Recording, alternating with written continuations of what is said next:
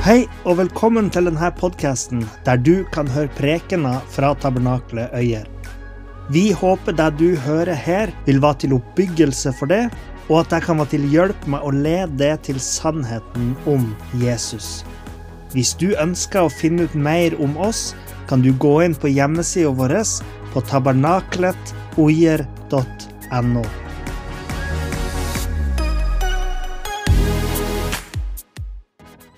Det er riktig, det er nå en stund siden jeg har vært her, ja. Men jeg ser det har så mange gode forkynnere, så det er ikke noe problem. Så det jeg gleder meg over det. Så eh, det er godt å kunne samles i Guds hus. Det kjennes trygt og godt. Og det har alltid vært Ja, det må jo si det er mye av livet for meg opp gjennom tida.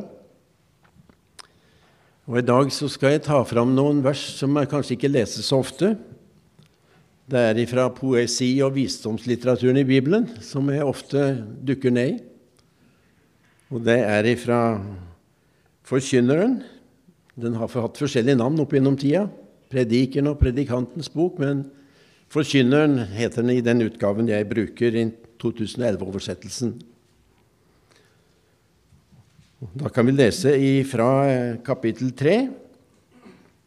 Kommer teksten der, ja, altså fra vers 1 i Jesu navn. Alt har sin tid. Det er en tid for alt som skjer under himmelen.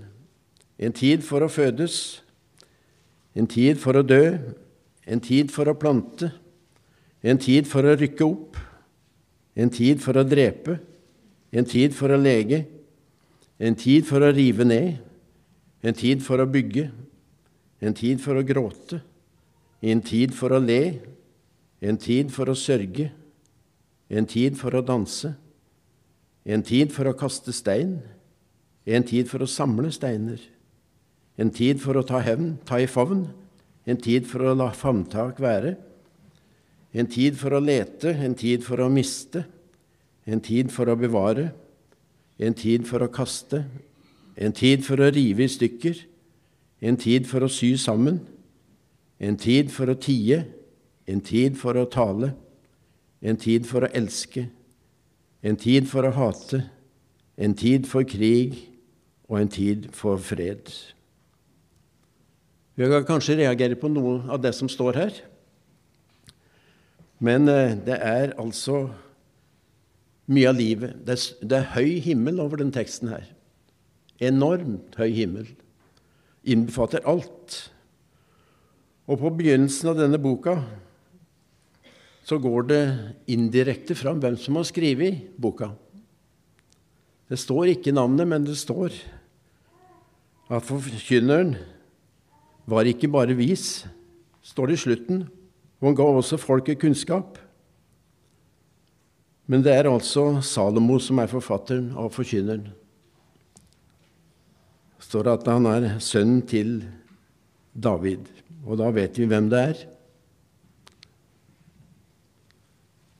Og Salomo han retter oppmerksomheten mot sjølve livsgåten i denne boka. Og mot menneskelivets innhold, menneskelivets mål og menneskelivets mening. Og Da tar han for seg mye, og da hører vi i den teksten vi leste, at det er store dimensjoner over den teksten her. Salomon betrakter livet fra to sider. Det ene er et liv i gudsfrykt, og det andre er et liv uten gudsfrykt.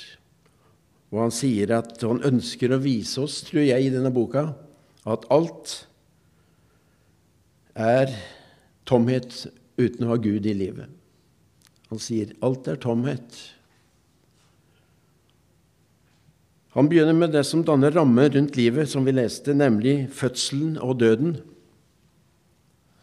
Og det sier jo at det er en tid for å fødes og en tid for å dø.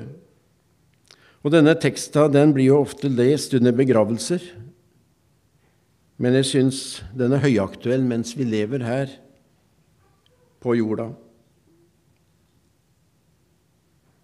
Alt mellom disse ytterpunktene fødsel og død, det er jo mitt og ditt liv. Det er jo det som er livet.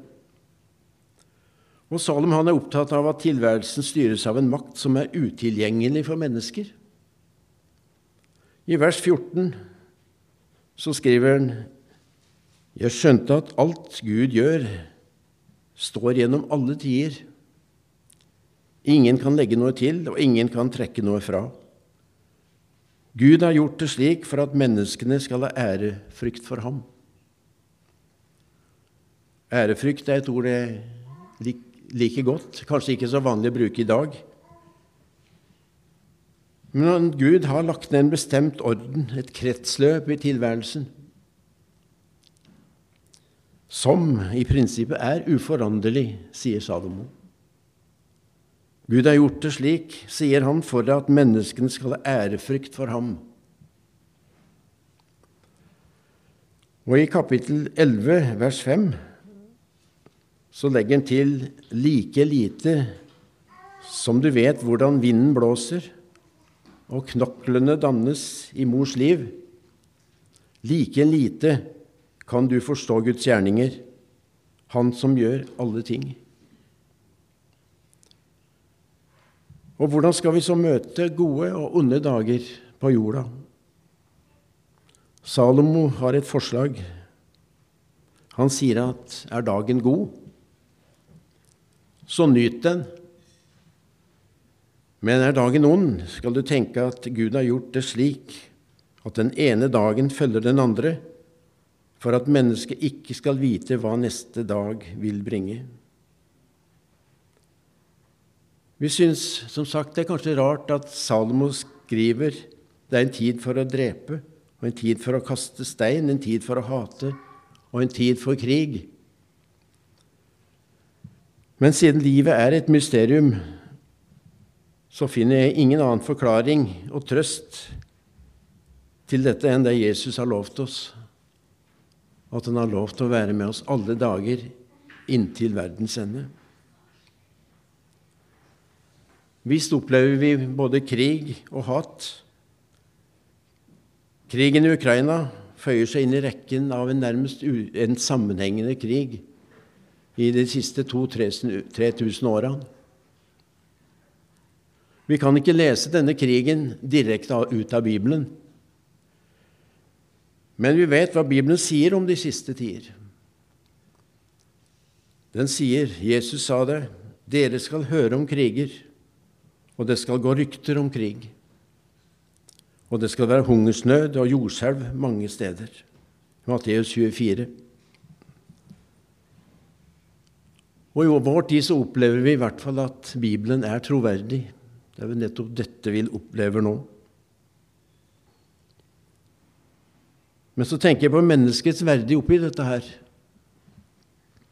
Og Gud skapte mennesket i sitt bilde. I Guds bilde skapte han det. Til mann og kvinne skapte han dem. Første Mosebok 1,27. Videre, dine øyne så meg da jeg var et foster. Alle dager er skrevet opp i din bok. De ikke fikk form før en av dem var kommet. Snakk om at vi har vært med ifra begynnelsen i Guds tanker, i Guds verden. Det står i Salme 139. Livet er jo en speil og et gåte, sier Paulus. Nå ser vi som i et speil. Ja, hva ser vi i speilet? Jo, vi ser bare bakover. Vi ser det som er bak oss. Og Derfor er også livet slik vi har levd. Det er bak oss. Og en gåte den er også vanskelig å skjønne. Men en gang, sier Paulus, skal vi fullt ut forstå det vi her leser om i Bibelen. Fram til i dag så består våre liv bare av fortid. Og den får vi ikke gjort noen ting med. Ingenting, det som ligger bak oss. Men livet framover, det har vi en mulighet for å gjøre en forandring på. Hvis vi ønsker det. Det var en oppfinner som ble spurt om hvorfor han alltid tenkte på framtida. Så svarer han at det er der jeg har tenkt å tilbringe resten av livet mitt. Og det er akkurat det er det for oss. Det største er jo at vi kan få leve videre og få være med inn i framtida.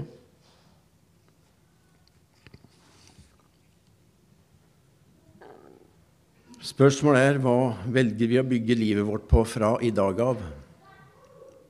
Det er opp til oss. Og vi vet at alle bygg må ha en grunnmur.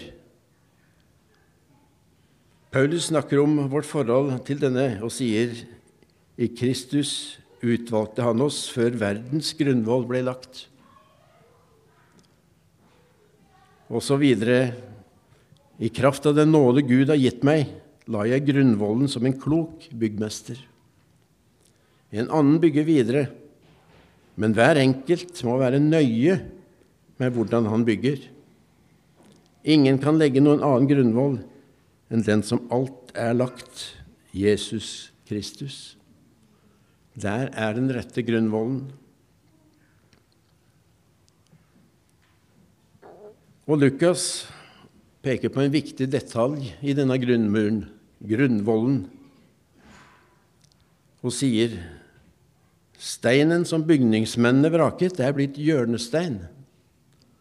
Og det er den viktigste steinen i et bygg.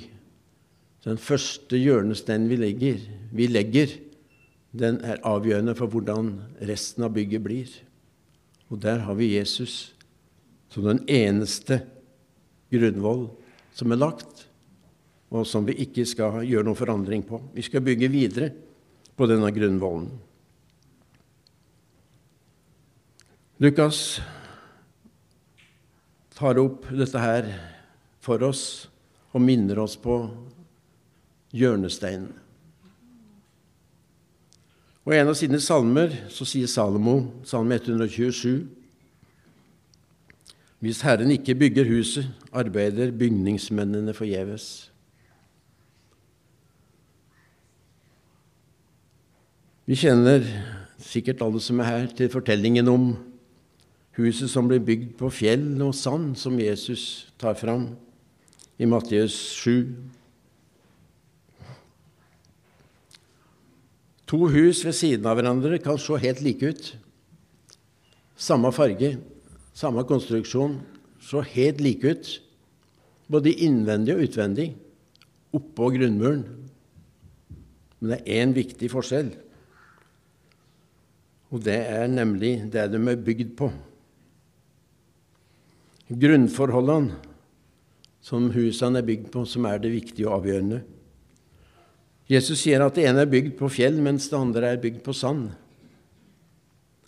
Og Da forklarer Jesus og sier regnet styrtet, elvene flommet, og vindene blåste og slo mot huset.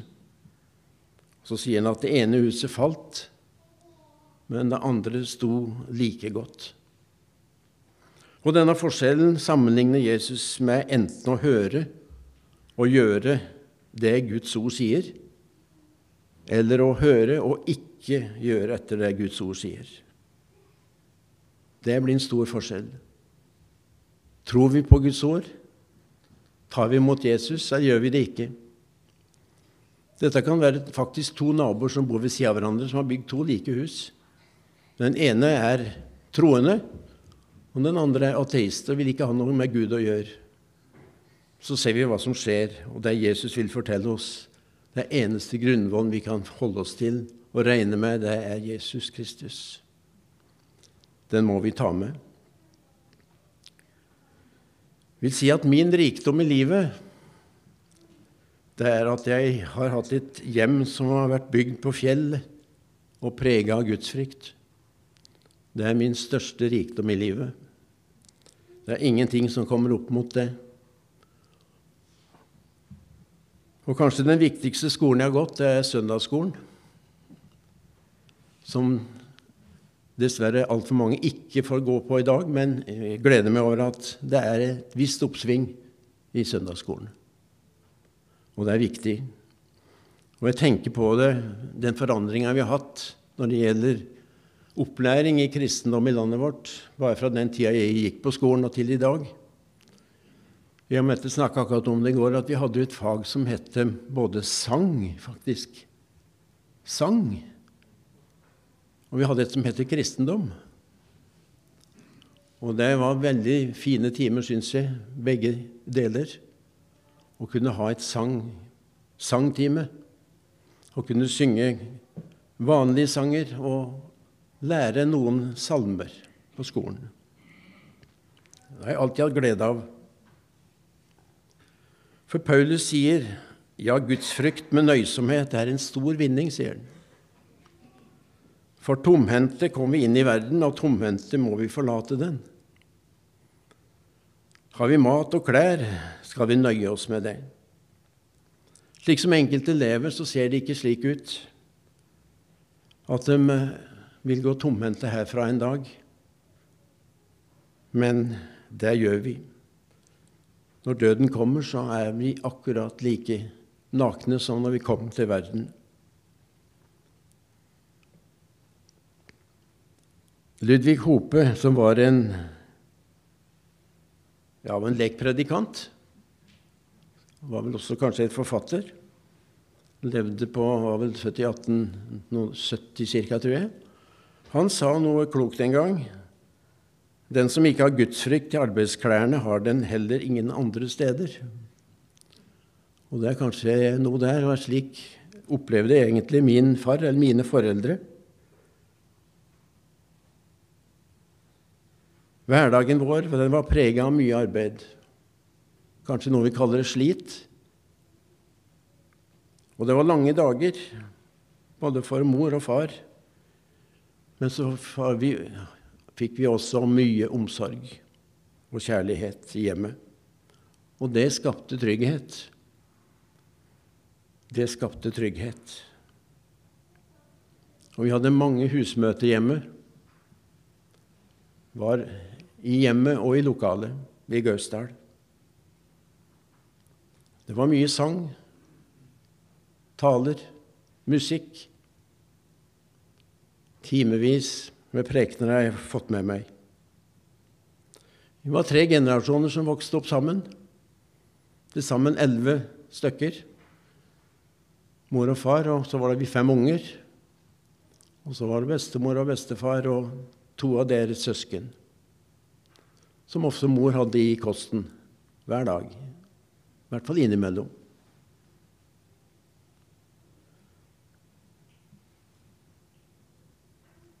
Jeg hadde en eh, god far og mor, men hadde til og med en god bestefar og bestemor tett innpå meg som jeg kunne besøke når jeg hadde lyst på noe godt, kanskje ekstra godt.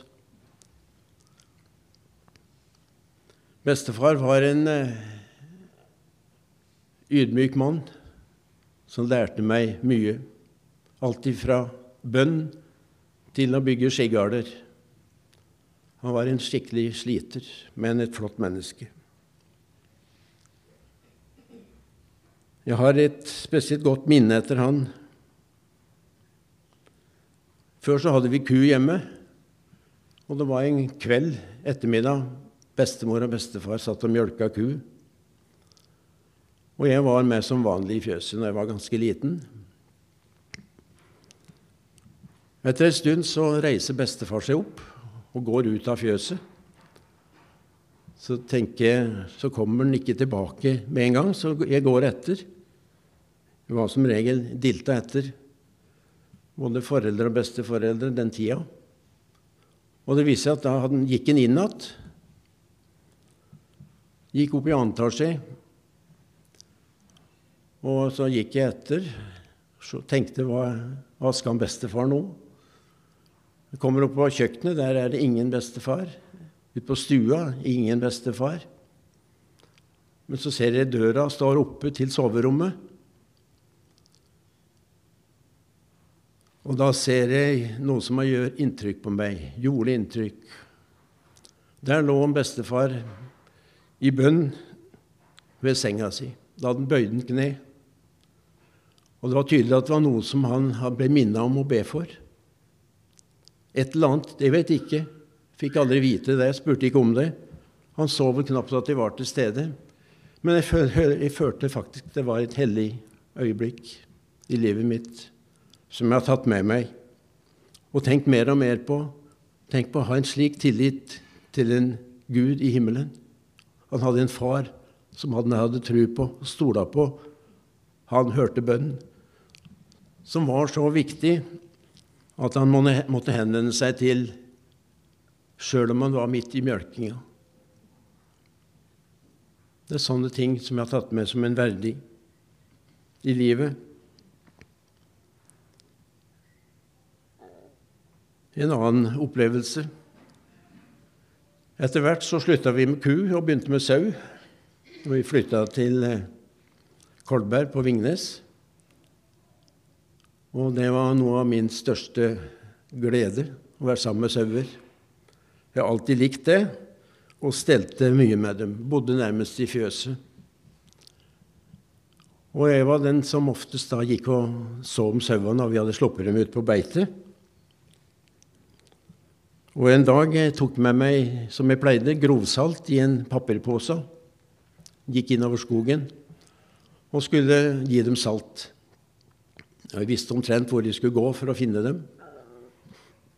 Jeg kom på den plassen jeg pleide å gå, så kom det løpende en 15-20 sauer mot meg når jeg lokka på dem. Det var ikke vanskelig å få kontakt. De kjente meg, kjente stemma. Slik er det med Jesus. Mine barn kjenner min stemme. Jeg er den gode hyrde, sin Jesus. Jeg kom til salteplassen, strødde salt utover en stein, fin, flat stein, som sauene kunne få slike, slike salt og kose seg med. Jeg hadde tatt meg med kaffe og litt kaker. Satte meg på en stubbe og kosa meg og så på dem mens saua slikka stein, slikka salt på stein. Og etter hvert så ble jeg trøtt.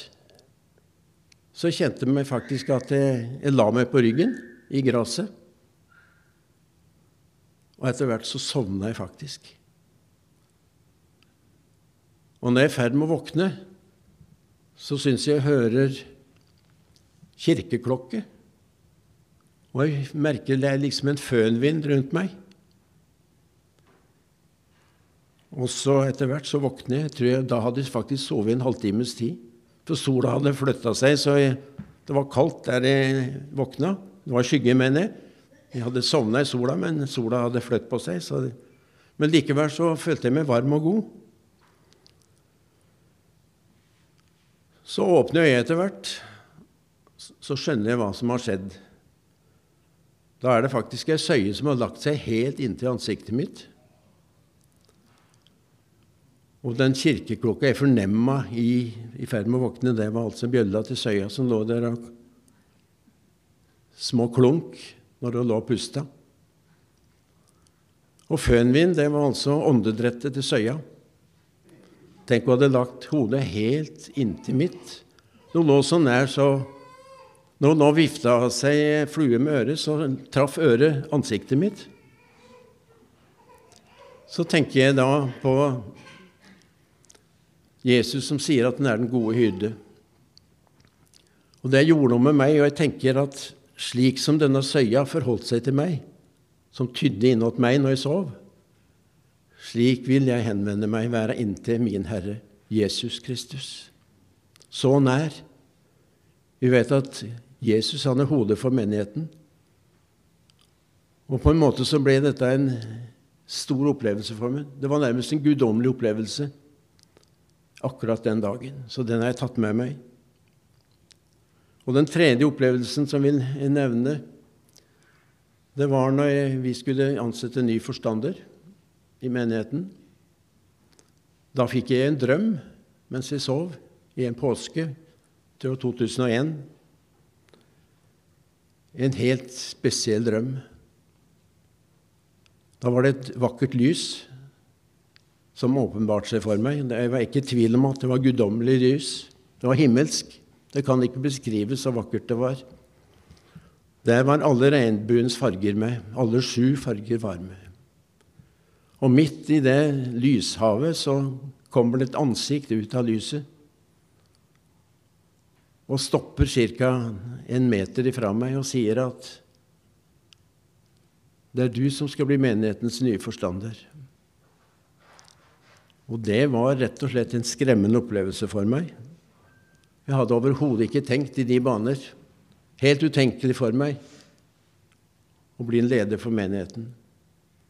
Det syns jeg var altfor stort. Så når jeg våkner, så sier jeg til Mette at det er noen som driver og snakker til meg om natta. Så sier hun at Ja, hva er det, da? sier hun. Nei, det kan jeg faktisk ikke fortelle ennå, si, for det var så sterkt at det må jeg holde for meg sjøl. Dette må jeg få bekreftelse for av andre rundt meg, hvis det er noe i dette her. Og det rare var Ja, det er kanskje ikke så rart.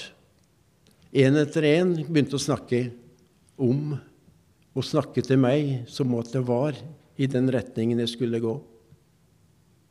Det var mange tilfeller. Vi kan nevne ett. Vi hadde besøk av et eldre ektepar fra Drammen som var innom et formiddagsmøte da jeg var møteleder. Så kommer hun bort til meg etter møtet, oppløst i tårer, så hadde fått et, en innskytelse, eller en, en tiltale.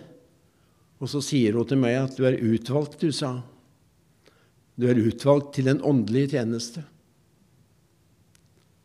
Ja, det er sterkt å høre seg, og da visste jeg hva jeg hadde opplevd. Og så ble det ikke noe mer sagt om det. Så det er klart det er en som har en tråd med i livet vårt. Det er en mening med livet vårt. Og etter hvert så ble det jo slik at jeg gikk inn i tjenesten og var der i, i 15 år.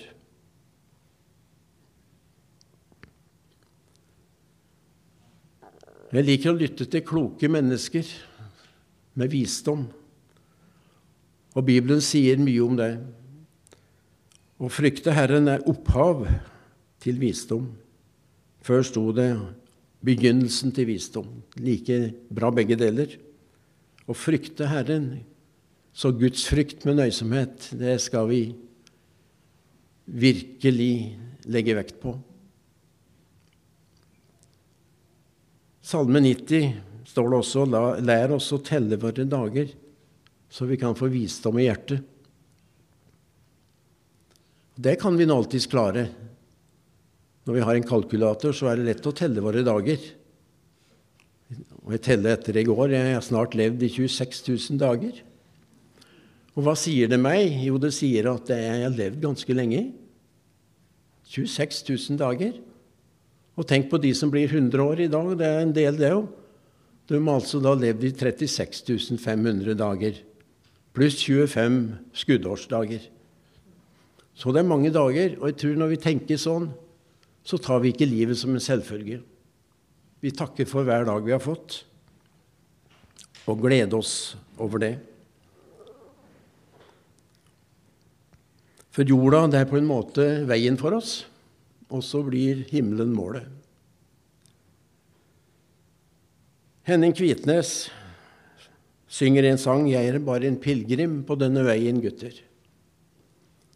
Jeg er bare en pilegrim på denne veien, gutter, sier han. Det stemmer, det. Jeg og du er på denne veien, og en pilegrim er en som er på vei til et hellig sted, et hellig mål. Og vi er på vei til himmelen, alle sammen. Men vi vet dette livet kan by på, som jeg nevnte, gode og onde dager. Vi møter tap. Mange forskjellige slags tap i livet. Men en sang i evangelietoner heter 'Jeg er en seiler på livets hav', på tidens skiftende bølge. Denne kursen min Jesus, den min, ja, min Jesus med kursen gav, og denne kurs vil jeg følge. Jeg stevner fram mot det lyse landet, med livsens trær ved det klare vannet, hvor evig sol og sommer er. Bølgene kan variere fra helt stille til å reise seg opp i flere meter. Så Derfor kan vi si som kristne vi er seilere på livets hav, alle sammen. Sang og musikk har betydd enormt mye for meg hele livet. Gleda meg kolossalt over at vi hadde mye sang og musikk hjemme. Og når vi samles, så er det ikke noe som er mer naturlig at vi synger salmer og lovsanger og andre sanger. Og evangelietoner, den har jo fulgt meg. Hjemme var det vel to Ja, når vi møttes på møter før, så var det to faste ting som fulgte med de som kom. Det var Bibel, og det var den gang Maranata, sangboka. Men i 79 så fikk vi evangelietoner. Så da var det Bibel og evangelietoner. Og når jeg har vært ute og jobba, er ute og jobber med ved og i skogen og driver ute i hagen, så kommer det for meg sangstrofe etter sangstrofe fra forskjellige sanger. Og jeg tenkte at nå skal jeg gjøre et uh, forsøk på å gjøre noe som kanskje ingen har gjort før. Jeg tok for meg 30 sanger. Jeg skulle finne 30 sanger i evangelietoner, så jeg skulle lage én sang av. Vet ikke om du har prøvd det? Men utfordringen er at én strofe i én sang den må avløse en annen på litt sånn uh, måte med mening. Nå er mening i sangen. Så jeg tror jeg skal ta tid til å lese den nå, hvis uh, det er greit. Det kjente toner, dette her.